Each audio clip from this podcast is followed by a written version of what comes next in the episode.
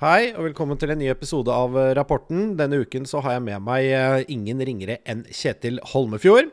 Han uh, har nettopp reist et fond på 180 millioner kroner som heter Sondo. Dere har sikkert lest om det i Skifter eller andre steder.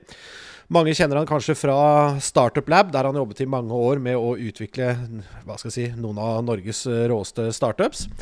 Um, han uh, sender ut et uh, nyhetsbrev som heter On Norwegian Tech, som basically sammenfatter alle funding-nyheter og det som skal være av interesse i det norske startup-miljøet, som, som, i hvert fall er offentlig kjent. Men uh, det er i hvert fall en fin, en fin sammenstilling, og det anbefaler alle å abonnere på.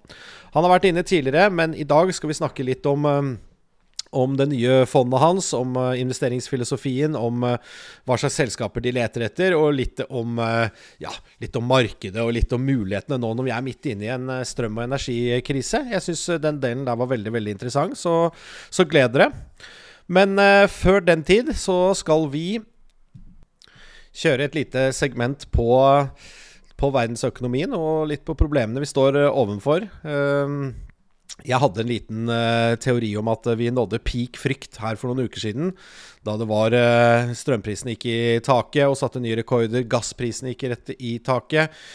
Oljeprisen var fortsatt høy, og, og, Fed sa at de kom til å måtte stramme inn mye, mye mer. Så da, da nådde vi på en måte en litt sånn peak frykt. Nå har politikerne kommet på banen. Uh, Eh, von der Leyen i EU kommer nå med en eh, kjempepakke som skal prøve å begrense strømprisene ved å frakoble de gassprisene. Det blir gjort eh, tiltak. Jeg personlig er jo skeptisk til at man klarer å gå inn og detaljstyre det på den måten. Men det betyr ingenting, for dette er et psykologisk spill. Så hvis du er en aktør i gassmarkedet, eller du er en spekulant eller et hedgefond, og du ser at du nå plutselig står mot EU og hva de kan finne på av lover og regler for å få gassprisen ned, så spørs det om du tør å vedde på det med veldig mye kapital. Så resultatet av det er jo at gassprisene er eh, Naturgass i USA i hvert fall gått ned fra 10 dollar til under 7 dollar. Oljeprisen eh, har falt fra 30 dollar til under, nei, 130 dollar til under 90 dollar nå det siste halvåret.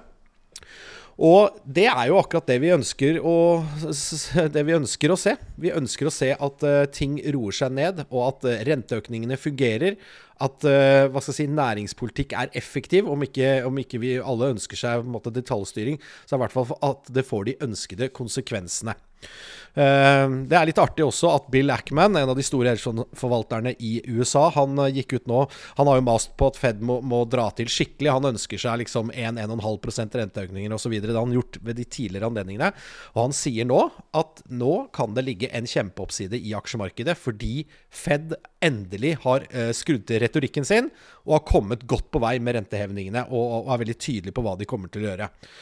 Sånn at eh, når politikerne staker, og sentralbanker staker ut en retning og, og kommenterer seg, eh, liksom seg hardt, så tror jeg det er veldig veldig vanskelig å vedde mot det.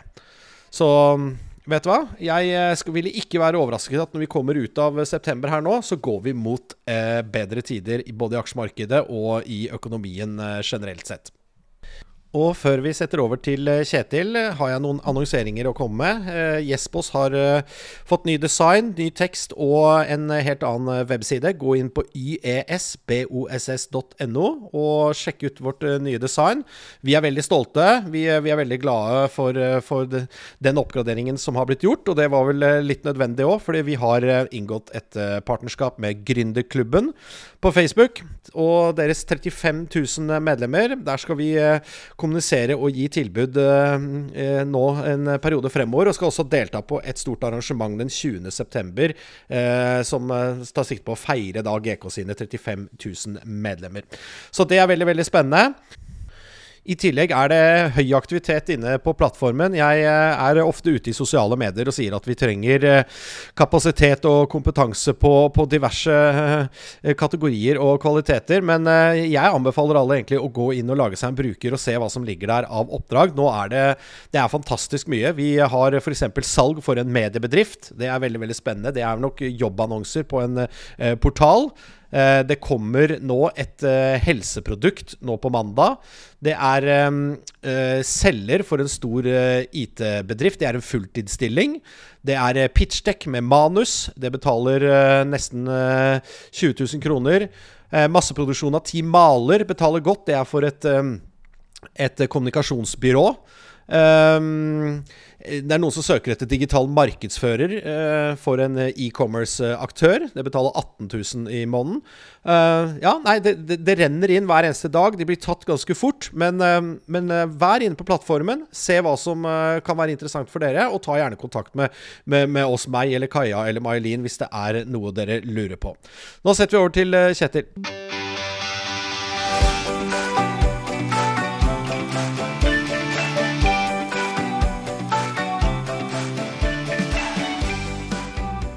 Ja, hei Kjetil. Hvordan går det med deg? Hei, det eh, går veldig bra her. Takk for at jeg får komme. Ja, er det, Hva er det vi kaller deg nå? Er det porteføljeforvalter eller venturekapitalist eller partner eller portfolio manager? Eller hva slags fin tittel er du skal ha på visittkortet ditt nå? Ja, Det blir ikke noe visittkort, men tittelen, eller i hvert fall profesjonen, er venturekapitalist. Eh, ja. Mikrovese kan du si, hvis du liksom går veldig dypt inn i det. Men eh, nei, vi, vi, skal investere tidlig, så det blir risikokapital vi, vi jobber med.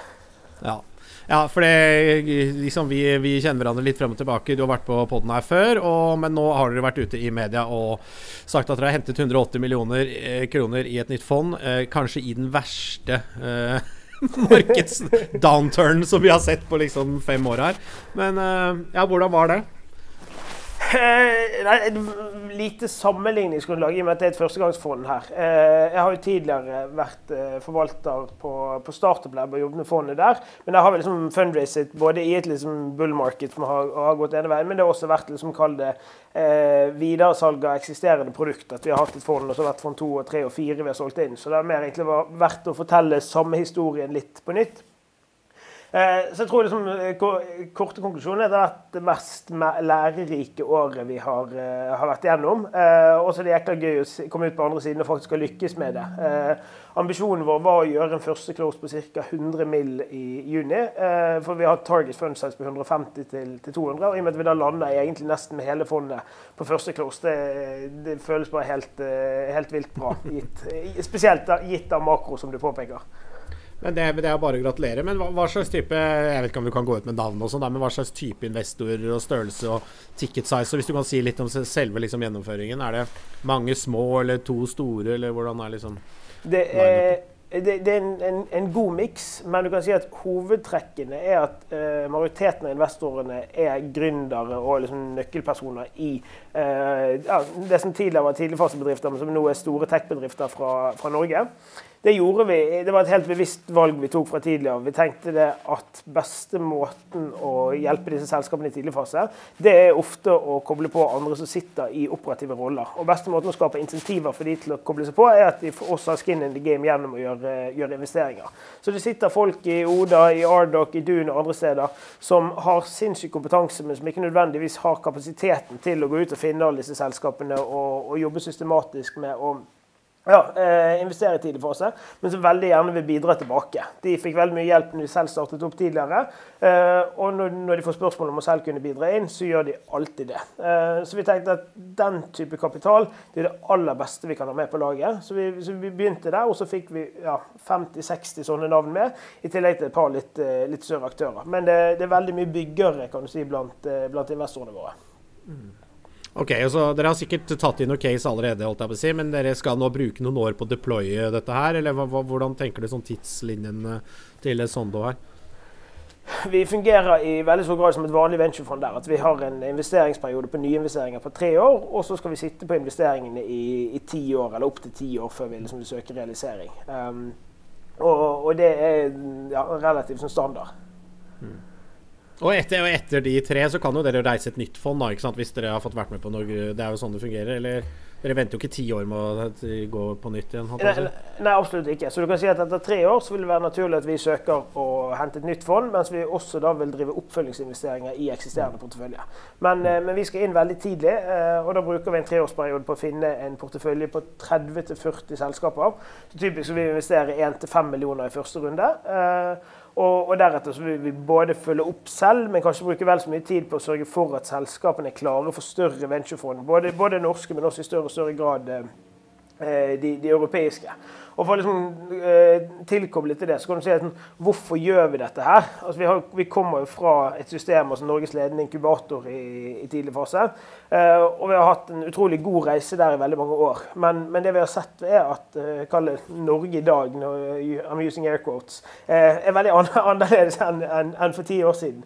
At selskapet i dag startes på veldig mange forskjellige steder og måter versus for, for ti år siden. En ting er selskapene som kommer ut fra inkubatorene fremdeles veldig mye sterke team som gjør det. Men vi ser også at nå startes det selskap, altså det er Unicorn Companies, og så har du tre ansatte der som går ut og starter sin egen greie, og som har i i bånn egentlig de risket en del av selskapsreisen før de er i gang. Fordi de har gjort veldig mange av de samme bevegelsene eller aktivitetene i, i tidligere selskap. Og som ikke nødvendigvis passer inn i eh, de samme modellene, men som fortsatt skal ha kapital. Eh, og så har vi sett at kanskje den ene tingen som de ikke nødvendigvis har gjort i de selskapene de har vært i tidligere, det er liksom den der kapitalinnhentingsdelen. For det er ofte liksom, det er CEO, hvis du, i noen tilfeller så sier for også med på det. Eh, og det er også tilfeldigvis ting som vi har jobbet veldig, veldig mye med. Så vi har sett at her kan vi komme inn og spille en rolle for disse selskapene. Eh, gå inn tidlig, sørge for at man jobber på de riktige tingene. Og også introdusere for de riktige aktørene i, i fasen etter. Ja.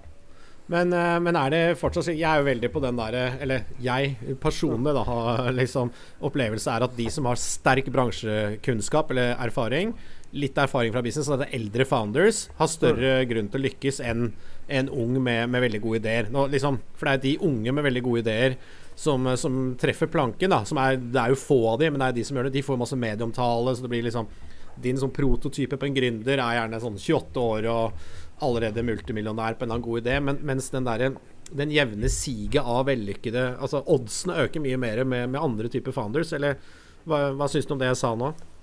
Eh, enig i utgangspunktet. Eh, så kan jeg si at Helt enig i det tabloide. At du har Zuckerberg og du har Gates og du har Jobs som alle liksom 18-19-20 college dropout og ble superrike.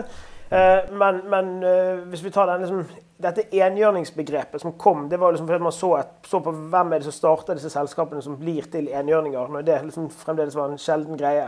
Og da så man at de var, de var eldre. At liksom snittalderen eller, var liksom, ja, kanskje 8-29 til 35.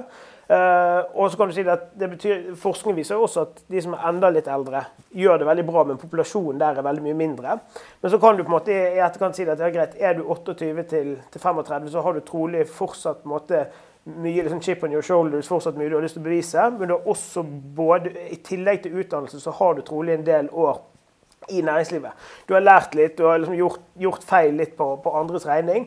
Og det, og det, er denne på en måte det andre bølgen vi ser nå kommer i Norge også. At det er ikke kun de som kommer rett ut fra, fra skolebenken, men det er de som har hatt et par år vært med å bygge opp en, en Oda, en Cognite, et annet type selskap, og har sett det at Sånn skal vi gjøre det. Jeg har faen lyst til å gjøre det på egen hånd også. Og så går de ut og, eh, og da trenger backing for å, for å starte de selskapene. Og da, det ser vi at det er en mulighet som vi, vi det, er, er et problem som vi kan være med på å løse.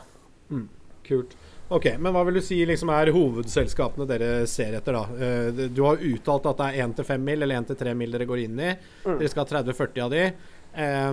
hva slags uh, er det, er det, sektor, er det modenhet? Liksom, hvis du kan si noe liksom, om uh, Dere har sikkert noen metrics uh, på, på, bordet hos dere? Ja, og her er vi, her er vi eh, ja, oppsiktsvekkende kjedelige. Eh, i, i, så måte at vi sier at eh, vi skal ha relativt bredt verdsettelsesspektrum vi kan investere på. Så alt som er priset fra 0 til, til 200 mill. egentlig er innenfor liksom, scope for oss. og på sektorer så sier vi egentlig vi kan gjøre alt som er netto nøytralt til, til positivt. og det, det, kobles veldig tilbake til Nå har vi liksom vært med på å gjøre ca. 100 investeringer tidligere. Og vi har sett igjen og igjen og igjen at de flinkeste folka med en innsikt som legger alle eggene sine i én kurv. Liksom, jeg skal ut og bygge solcelleselskap fra Norge. Andreas Storseth. Helt eh, airquotes igjen. Håpløs idé. Det, det, det er dårlig vær og ingen sol. Men eh, flink nok eh, person, en innsikt. Greit. Jobben er egentlig bare å følge dem. Samme med tar Magnus Warnberg i Remarkable. Hardware fra Norge, Consumer Electronics. Kommer alle til å funke. funker.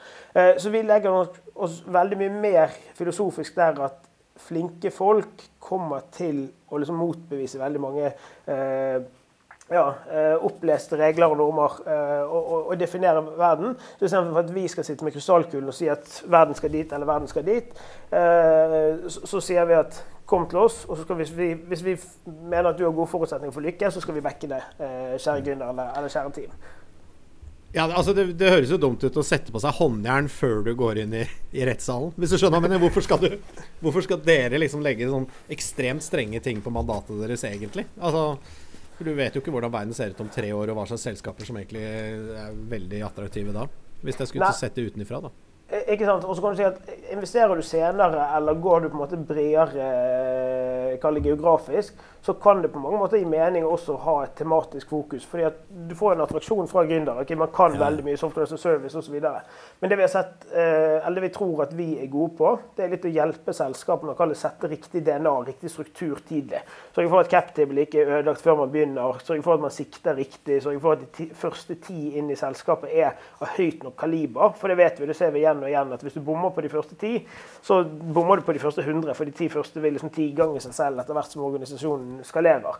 Uh, og den type ting, liksom fra Norge være med og liksom, uh, høye stand, eller liksom, få standardene til å høyere og høyere, det, det, tror vi gjør at selskapene kan ha bedre forutsetninger til å bli ikke bare lokale, men også globale vinnere. Eh, og, og, da kan ikke vi liksom definere noe Eller gir i hvert fall ikke mening for oss å ha noe snevrere fokus enn bare bra, bra team. Nei, skjønner. Ok, men eh, Forrige gang så snakket vi jo en del om liksom, eh, norske økosystem, og du skriver jo liksom den desidert kuleste nyhetsbrevet eller oppdateringen eh, om investeringer i Norge. og Det anbefaler alle å abonnere på. Det, du basically oppdaterer markedet på hvem som har tatt imot en investering og ikke, og hvem som har vært med, med en enkel link. og Det er en veldig fin sånn oversiktsstruktur på den. Hva, hva mm, syns du om økosystemet i 2022 kontra, kontra i fjor? Liksom, går det i riktig retning? Er det, liksom, er det modenhet her eh, som du ser vokse frem, eller? Godt spørsmål. Altså, eh, hvis du tar uh, i år versus i fjor, så er det litt tidlig å si. Uh, når jeg har sett på liksom, tallene så langt i år, så ligger vi liksom, investeringsmessig både beløp og antall transaksjoner ca. på samme volum uh, og størrelse som, som 2021. Men, men, det jeg tracker, er jo liksom offentliggjorte transaksjoner. Som betyr at og, altså, vi, er, vi, er, midt inne i en korreksjon, og vi ser at det er liksom en del kontraksjoner eller folk som trekker seg tilbake med kapital. Så det er godt, godt mulig at liksom, sluttsummen i 31.12. vil være at det er et lite tilbakesteg i år kontra tidligere år. Men jeg tror liksom, tar man et steg eller to lenger tilbake og ser på Norge nå kontra for ti år siden, så er det jo natt og dag. Og det tror jeg liksom ikke, Vi vil ikke gå tilbake til den natten som var i 2013-2014 da jeg flyttet til, til Oslo. Og det, det, det, tror jeg liksom, det er noe vi tror veldig, veldig dypt på også. Sånn, beste stedet å lære å bygge butikk, det er en annen butikk. Oversatt liksom. Beste stedet å lære å bli gründer er et annet oppstartsselskap. Så du har en slags sånn snøballeffekt um, som, eh, som rett og slett bare kommer til å fortsette og fortsette. Fordi at det, det, er en morsom måte. Man har mer impact eller eh, påvirkning hvis man starter, eh, starter noe nytt. Og, og, det at du nå etter hvert har så veldig mange butikker å lære i, da, gjør at vi tror det vil komme enda flere selskaper også de, de neste ti årene. Ja. ja så er, dere opererer i en bransje som er i vekst, og det er uh, modenhet uh, der, holdt jeg på å si. Men uh, det er noe jeg lurer på personlig. Jeg kommer fra børsverden, det er, begynner å bli noen år siden nå, da. Men mm. Når du snakker med startups og sånn, så er det liksom Når de Snakker man om børsnoteringer? Har man det på blokka, eller er det bare liksom en sånn fjern greie? Eller er det så god likviditet i de private markedene og VC-markedet at at, de, at 90% av starten du prater med, har ikke en sånn der 'vi skal på børs i 2024', eh, hente runde med, med meglerhus, liksom sånn. Hva, hva, er din sånn balanse Eller hvordan ser du den balansen der? Det, det, varierer jo veldig selvfølgelig fra, fra selskap til selskap. Uh, jeg pleier å si liksom at jeg vil gjerne høre om de neste tolv månedene og om tolv år. oversatt. At liksom Jeg vil gjerne vite den operative planen for å komme til neste milepæl og neste uh, kapitalinnhenting. Og så vite hva liksom, den store visjonen er langt frem. Og Den store visjonen innebærer jo ofte børsnotering, eller i hvert fall mye Jeg personlig syns det er mye morsommere å møte gründere som har altså de, de, bygger et livsverk. De skal bygge noe som, de, som, som ønsker world domination eller og skal gå ut og bli veldig stort. Versus den at vi skal bygge det i tre år, og så skal vi selge det. og liksom at De har, har nesten exit-sliden som, som, slide tre i, i, presentasjonen sin. Men i og med at det ofte ligger litt lenger frem, uh, og fordi at det er kommet mer likviditet fra større venturefond som investerer i, i fasene etter oss, så er det ikke nødvendigvis sånn at man snakker så veldig mye om børsnotering. Men man snakker gjerne om liksom, hva, hva vil man at dette skal bli, hva skal ettermælet bli. Og det er mange som, som, peker på dette her, og jeg er for så vidt veldig enig i det også, at det er mange av de beste gründere som nesten som, har veldig mye fellestrekk med kunstnere. At de bygger liksom sitt livsverk, og at det, det, er viktig at det skal bli stort. og Det er ikke nødvendigvis kun liksom det monetære eller finansielle som driver de, men det er vel så mye liksom make, a, make a dent in the universe, for å unnskyld engelsken. Uh, og, og da er jo liksom en børsnotering det vil gi de som backer det tidlig, muligheten til å liksom få likviditet, som er superviktig for et økosystem. Hvis, hvis, man aldri får pengene tilbake hvis man investerer tidlig, så får man aldri mer penger å investere heller.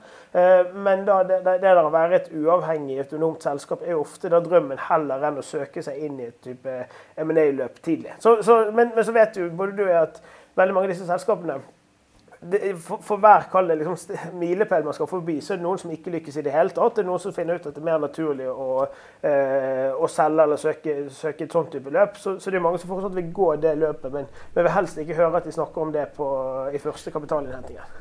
Bare sånn lite innspill her. Jo, jeg ser jo egentlig ikke børsnotering som ensmetodene med å selge seg ut. da. Det er bare, det, en, det er bare en annen finansieringsmetode. Altså Du går litt mer med hva skal jeg si, Ikke dumme investorer, da, men du går med mm. investormasser som, som gjør det pga. likviditet og sånn på børsen når du er på børsen. Men, du, men, tilgangen til penger når du først er børsnotert, vil jo være, er jo høyere i mine øyne. da, fordi du kan, jo, du kan jo bare refinansiere deg når du trenger det. Det er jo det hele poenget med børsen. Eh, er at du mm. får tilgang til 350 000 investorer i Norge mm. liksom, som, som ja. kan stille opp en emisjon da, hvis du trenger eh, funding. sånn at eh, Vi ser jo i hvert fall på de store som har notert seg i utlandet, så sitter jo ledelsen og gründerne det er fortsatt altså hens Mark Zuckerberg, liksom, på en måte. Så eh, ja, bare sånn ja, men, men, Jeg bare ser at i Norge, i den tech-startup-verdenen, så, så, er det lite børsprat. Men det er kanskje fordi at man ser på det som eh, kanskje to andre verdener. Men det er, det er jo den samme funksjonen. Den, den, skal gi deg penger til å vokse videre. Det er jo det, det er derfor vi har en børs, på en måte.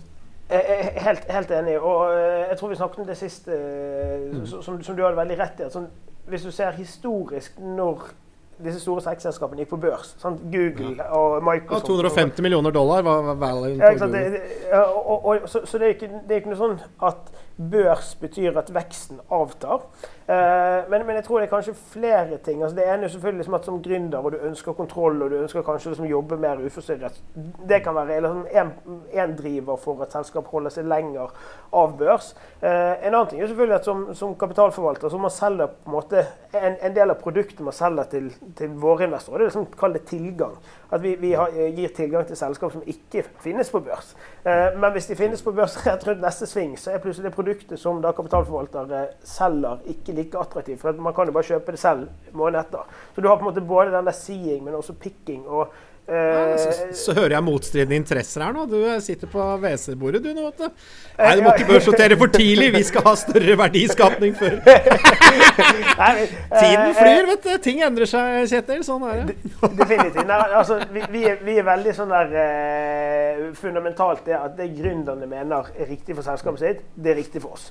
Vi vet ja. at uh, ja, motiverte gründere, de som, de som gjør liksom det som er riktig for de, det er de som bygger de beste selskapene også også. Så det at vi skal legge oss inn for mye, akkurat hvilket løp det selskapet tar videre, det, det, det, det, er i hvert fall ikke den måten vi skal inn. Så vi, Som fond så tar vi heller ingen styreplasser eller prøver å være for instrumentelle, men vi skal gi liksom en kjempeverktøykasse med nettverk, med øh, kompetanse.